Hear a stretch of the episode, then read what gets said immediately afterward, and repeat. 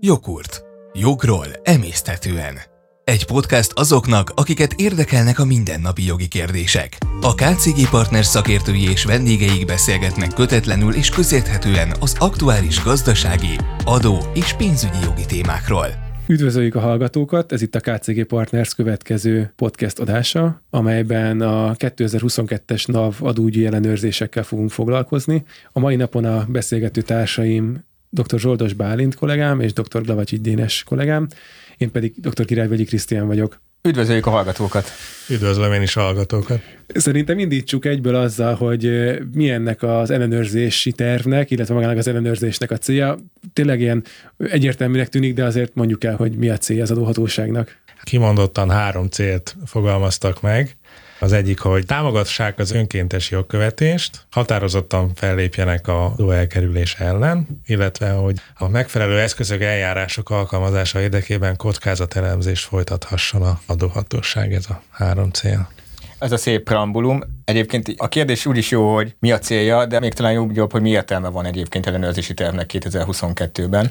Mert hogy azt érdemes látni, hogy az adódhatóság minden évben közé tesz egy ilyen listát. Egyre több az átfedés évről évre. Tehát, hogy már évek óta egyre több a visszatérő elem, és egy kicsit olyan hasraütésszerűnek tűnik, hogy a következő kikerülnek be. Van néhány aktualitás, de hogy majd beszélni fogunk arról, hogy hogy néz ki egyébként az ellenőrzés a NAV berkein belül, hogy egyre kevésbé releváns az, hogy most kikerül fel a listára, mert aki nincs rajta a listán, azt is ellenőrizni fogják, aki meg rákerült a listára, azt jelenti, hogy automatikusan ő egy ellenőrzésre számíthat. Tehát, hogy ez egy jó irány, vagy egy lehet gondolkodni egyébként a NAV fejével, hogy ők mire kíváncsiak idén, uh-huh. de hogy nagy változást ebből nem lehet levezetni. Igen, hát tipikusan mindig halljuk, hogy a katásokat mindig ellenőrzik, mert ugye alacsony az adókulcsa, és sok a visszaélés lehetősége. És idén is bekerültek és a idén is nem nagyon meglepetésre bekerültek, de mik azok a területek még, amiket, amik most bekerültek, és kik számíthatnak ellenőrzésekre? Kiemelt figyelemre számíthatnak többek között a webshopok, tehát a webhelyeken értékesítők, futárok, taxisok, és az építőipar szakás szerint ők szerintem általában mindig a fókuszban vannak. Ők a klasszikus visszatérők, tehát hogy szerintem ami minden évben szerepel a katások, az építőipar, az elkereskedelem az már évek óta minden évben rájön a NAV, hogy nagy volumenben történik digitális úton kereskedelem, de egyébként szerepel a, a kiemelt feladatok között az áfa visszaigényléseknek a kiutalás előtti ellenőrzése. Ez mióta a világ a világ, ez az, az, az adóhatóságnak az egyik fő. Ezek a legnagyobb összegek szerintem, amit visszatérítenek. Így van, ez minden évben egyébként kiemelt, szerintem ha nem írták volna bele, ugyanannyi ellenőrzés folyna. Ami különösen érdekes lesz egyébként ellenőrzési szempontból, és ami eddig nem szerepelt, és aktualitás, hogy 2022-ben két kiemelt terület van, amit idén ellenőriznek először. Egyrészt a hatósági termékek, ugye ez egy újdonság, a másik pedig, ami nagy volt ősszel, illetve év elején a SZIA visszatérítéseknek a, a jogosultsága. Tehát ez, amit nehéz egyébként akár kockázatelemzéssel, akár helyszíni ellenőrzéssel elképzelni, hogy hogy fog történni, hogy... Megszámolják a gyermekeket. Hol vannak, igen, ki van éppen óvodában. Tehát, hogy ez is egy kiemelt terület, és aztán majd érdekes lesz, hogy a NAV erre hogy tud, hogy tud érdemben reagálni. Igen, hát ez elég komoly adóvisszatérítés volt összértékét tekintve az SZIA. Abszolút, tehát a, a volumenét tekintve teljesen indokolt. Tehát 1600 milliárd forintért érdemes már lehajolni, tehát az érthető, hogy meg fogja nézni a NAV. A kérdés az, hogy hogyan. És ezek az adatok egyébként, hogy most kinek hány gyermeke van, ez az egészségügyi nyilvántartásból nem elérhető? Ezek a, a visszaigénylésnél ezeket meg kellett adni. Tehát, hogy uh-huh. ott, ott mindennek a lakcím is benne volt, a születési dátumok, meg hogy hány. Tehát a jogosultság az, az igazolni kellett, de hogy ezen felül, hogy ezt hogy ellenőrzi, hogy tényleg megvannak-e, együtt uh-huh. élnek mert több esetben ugye az volt, hogy külön élő szülők is igénybe vehetik, uh-huh. és hogy ott a tényleg, és nem is azt kell nézni, hogy a jogosultság időpontjában, tehát má, idén májusban együtt élnek el, hanem hogy akár valamikor 2021 folyamán együtt éltek el. És egyébként azt látjátok, hogy ezek szerintetek azért ezek a területek, mert itt van a legtöbb adó elkerülésre okot adó tranzakció, itt van a legtöbb visszaélés tipikusan, és itt fedezik föl a legtöbb csalást esetleg, vagy mi lehet ezeknek az oka? Egyértelmű, ezt nem csak mi gondoljuk így, a NAV így hívja őket egyébként ebben az ellenőrzési tervben, és ezek az úgynevezett kockázatos ágazatok. Mm. Ide tartozik az építőipar, az építőanyag kereskedelem is, de ide te, tartoznak egyébként az élelmiszeripari termékek kereskedelme, ezek klasszikusan ugye a körhintacsalásban éhintettek, tehát az olaj, a kávé, a cukor, tehát ebben, ebben nagyon nagy az áfa vesztesége a költségvetés oldalán, de ide tartozik egyébként a turizmus vendéglátás is, Ami most hangsúlyos, illetve minden évben hangsúlyos, de idén is bekerült ugye az a munkaviszonyjal kapcsolatos ellenőrzések, ide is például a vagyonvédelmi tevékenység, a munkahelykölcsönzés, meg a takarításra foglalkozó cégek, ezek is nagyon klasszikusan olyan területek, ahol visszaélések vannak, tehát ezek fekete munka, fekete foglalkoztatás. Illetve a számlaadás elfelejtése, gondolom az is. Így van. Így a 2022-es évben azért joggal gondolhatnánk, hogy már az ellenőrzés is digitálisan zajlik valamilyen szinten, és hogy a adóhatóság is rendelkezik olyan szoftverek, ami igazából megkönnyíti a saját munkájukat, és nyilván megnehezíti a adózói oldalról a adóelkerülést. Vannak ilyen eszközei a NAV-nak, hogy ti hogy látjátok, van olyan mesterséges intelligencia vagy szoftver, ami a NAV-nak ezt a munkáját megkönnyítheti? Hát itt alapvetően két dolog kell ugye ehhez, amit a, a Dénes is mondott, ugye, hogy van ez a hármas cél egyébként, amennyire jól hangzik, de ez valóságban is valamennyire megjelenik, hogy egyrészt van az önkéntes jogkövetés. Hogy mindig elmondjuk, hogy alapvetően azért a adóbevételek nagy részét azt a adóalanyok azok önkéntesen teljesítik. Egyébként egy jogkövető magatartást mutatnak, ezekkel szemben, vagy velük szemben az adóhatóság is inkább támogatóként eljárni, tehát ezt a önkéntes jogkövetést tovább támogatja, vannak mentoring programok, vannak információs füzetek, úgyhogy aki jól akarja csinálni az adóügyet, ezt meg tudja. Van a második, az adó elkerülők, ott nyilván a, a szigorú fellépés és a hatékony fellépés az, ami fontos, és van a harmadik, ez amit a Dines is mondott, ez a kockázatelemzés. És ugye ez, ami a legjelentősebb, és szerintem az egész ellenőrzési tervből, illetve évek óta leginkább ez van fókuszban, hogy egy picit elébe menni a dolgoknak, és ehhez kell két dolog, egyrészt adat, végtelen mennyiségű adat, és utána meg a következő lépés, hogy mit csinálunk az adattal. Most már az előző tíz, de inkább öt évben azért rengeteg olyan fejlesztés volt, amiből ömlik be az adat az adóhatósághoz. Tehát van a, az online pénztárgéprendszer volt először bevezetve, aztán kiterjesztve, az már 2014 óta van. Van az online számra rendszer, az is most már négy éve van, ott is fél évenként, évenként terjesztették ki a kötelezeti kört, tehát gyakorlatilag most már minden tranzakcióra rálát az adóhatóság, ami számla kísér. Van a munkaviszony, illetve a foglalkoztatotti bejelentések kapcsán ez a foglalkoztatói riasztórendszer, illetve még volt útközben az LK van, és még valamennyi, hát csak már többé-kevésbé kiüresedett, ugye a közúton forhozott termékek ellenőrzése követése kapcsán, ezekből automatikusan azonnali adatot kap az adóhatóság folyamatosan, tehát több milliós nagyságrendben folyik be naponta az adóhatósághoz az adat. Ez az egyik része, ez a bejövő oldal, hogy rengeteg adat áll rendelkezésre, és van egy másik oldal, hogy mit csinál ezzel a NAV. Egyébként sokat mond szerintem, hogy most már másfél éve talán a, a NAV-nak a vezetője nincs elnöke már, hanem államtitkár vezeti az adóhatóságot, Vágújhelyi Ferencnek hívják, ő egyébként egy programozó matematikus.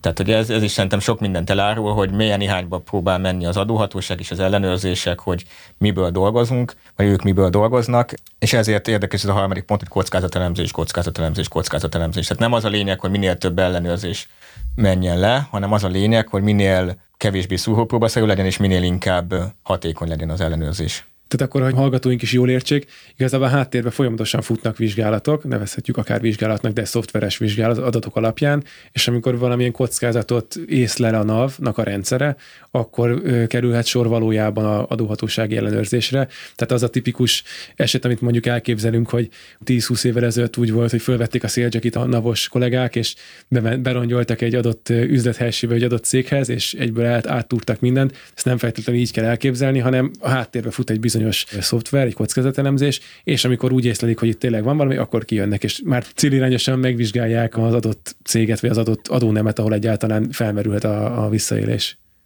Nem titok, hogy én, én dolgoztam egyébként az adóhatóságnál tíz éve. Utalni, hogy... Én, én dolgoztam az adóhatóságnál tíz éve, soha nem kaptam meg a NAV felihatós kék szélgyekimet, tehát hogy ez valahol elkallódott ott a, a szertárban belépéskor vagy kilépéskor, úgyhogy ilyen sose volt. Voltak egyébként, meg most is vannak helyszíni ellenőrzések, de igen, ezt úgy kell elképzelni, hogy nem is feltétlenül vizsgálat, de a kiválasztás, illetve a kockázatelemzés az folyamatosan folyik a háttérben. Algoritmusok dolgoznak az ellenőrök, revizorok mellett, nem helyett, és igen, úgy történik, hogy a kiválasztás már úgy jut el egy ellenőrhöz, hogy az már valamennyire célirányos vizsgálat tudjon lenni. De az is igaz, hogy amikor én mondjuk tíz év az adóhatóságnál dolgoztam, akkor papíralapon ment mindez, volt egy ellenőrzés, bekértük az adatokat, bejött a könyvelő, vagy beküldte, vagy papíralapon behozta a főkönyvet, a, a számlákat, illetve amit még bekértünk ezzel kapcsolatban. Ez most pont megfordult. Tehát, hogy most már gyakorlatilag a, az adóhatóság többet tud az adózóról, amikor megkezdődik az ellenőrzés, mint talán az adó magáról tud. Tehát nem arról van szó, hogy behozzuk az adatokat, és akkor átnézzük, és kérünk még 30 napot, és megvizsgáljuk, hanem még mielőtt elkezdődne a, a vizsgálat, már minden a rendelkezésre áll, és tényleg csak arról kell rákérdezni, ami érdekes vagy kockázatos.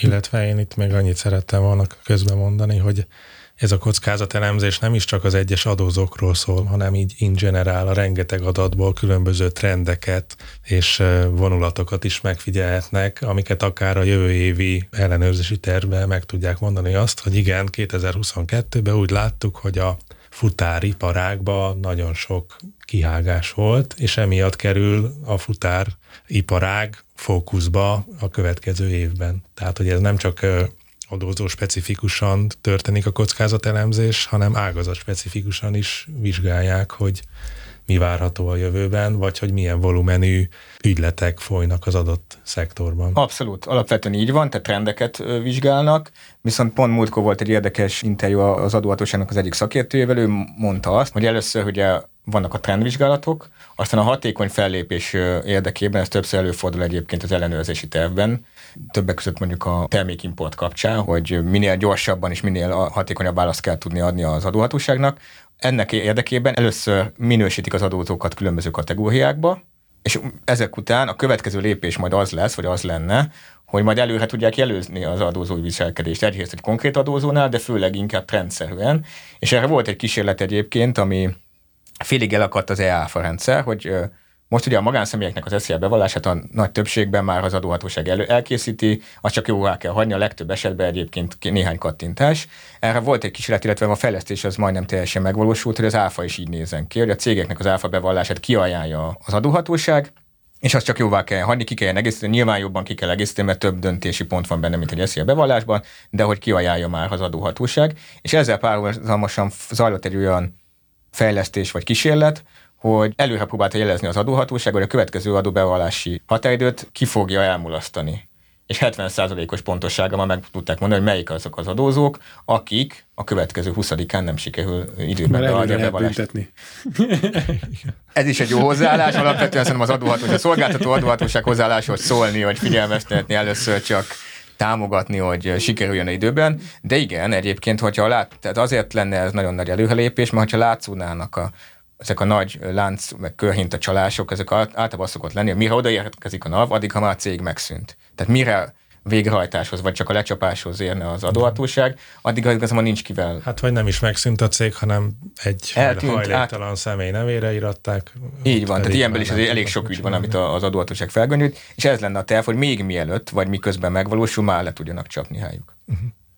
Sok helyen olvasni egyébként, hogy a, akik székhelyszolgáltatást vesznek igénybe, őket is ellenőrzi a NAV, és az jutott igazából eszembe, hogy akiket beszéltünk ágazati szektorban lévő cégek, illetve akik ilyen székhelyszolgáltatást vesznek igénybe, mit javasolunk ezeknek, vagy mit javasoltok ezeknek a cégeknek, hogyan lehet egy ilyen, ilyen esetleges ellenőrzésre felkészülni, tehát akik ebbe a szektorba vannak, vagy székhelyszolgáltatást vesznek igénybe, mivel tudnak készülni egy ilyen potenciális ellenőrzésre. Tudjuk, hogy nem biztosan fogják őket ellenőrizni, de amellett, hogy nyilván annyit lehet mondani, hogy, hogy tartsátok be a jogszabályokat, mivel lehet készülniük, mire számítsanak klasszikus válasz erre is, hogy attól függ, ugye nyilván aki tényleges gazdasági tevékenységet folytat, és azt alá is tudja támasztani, azoknak igazán nincs félnivalójuk. Egy ellenőrzés során lehet, hogy ez csak egy jogkövetési vizsgálat lesz, és megállapítja a NAV, hogy igen, megfelelően. székhelye van, ha Arról kap értesítést egyébként, hogyha lefolylik, lefolytatnak a háttérbe egy ellenőrzést, igazából az nem ellenőrzés még, tehát az, az, az kockázatelemzés, vagy kiválasztás, tehát ami ellenőrzés, ugye ott vannak az adóeljárási szabályok, ott, ott persze, ott értesítés van, ott a határidők folynak, tehát arra olyan nincs egyébként, hogy van egy döntés az adózó feje fölött, amiről ő nem tud. Tehát, hogyha ellenőrzés van, vagy... az van, hogy rendben van. Így, Hát, hogyha formális ellenőrzés vagy vizsgálat folyt, uh-huh. tehát akkor ahol kap egy jegyzőkönyvet a végén, arra tehát észrevételeket, tehát hogyha megállapítás történt, akkor lehet jogolvaslattal fordulni az adóhatósághoz. Tehát a, a háttérbe futó kiválasztás, ott hátrányos következmény nem érheti az adózót. Ha meg ténylegesen gazdasági tevékenységet folytat, akár székhelyen, akár székhely szolgáltatónál, akkor abból problémának nem kéne, hogy legyen. Köszönjük szépen a figyelmet a hallgatóinknak, és jelentkezünk a következő podcast adásunkkal hamarosan hallgassatok minket máskor is. Köszönjük a figyelmet. Köszönjük a figyelmet, szép napot. Ez volt a Jogurt. a KCG Partners podcastje. A beszélgetésben elhangzottak nem minősülnek jogi tanácsadásnak, a műsorban résztvevők magánvéleményét tükrözik. A műsornak nem célja a jogi tanácsadás, és nem is minősül annak, de garantáltan megéri hallgatni.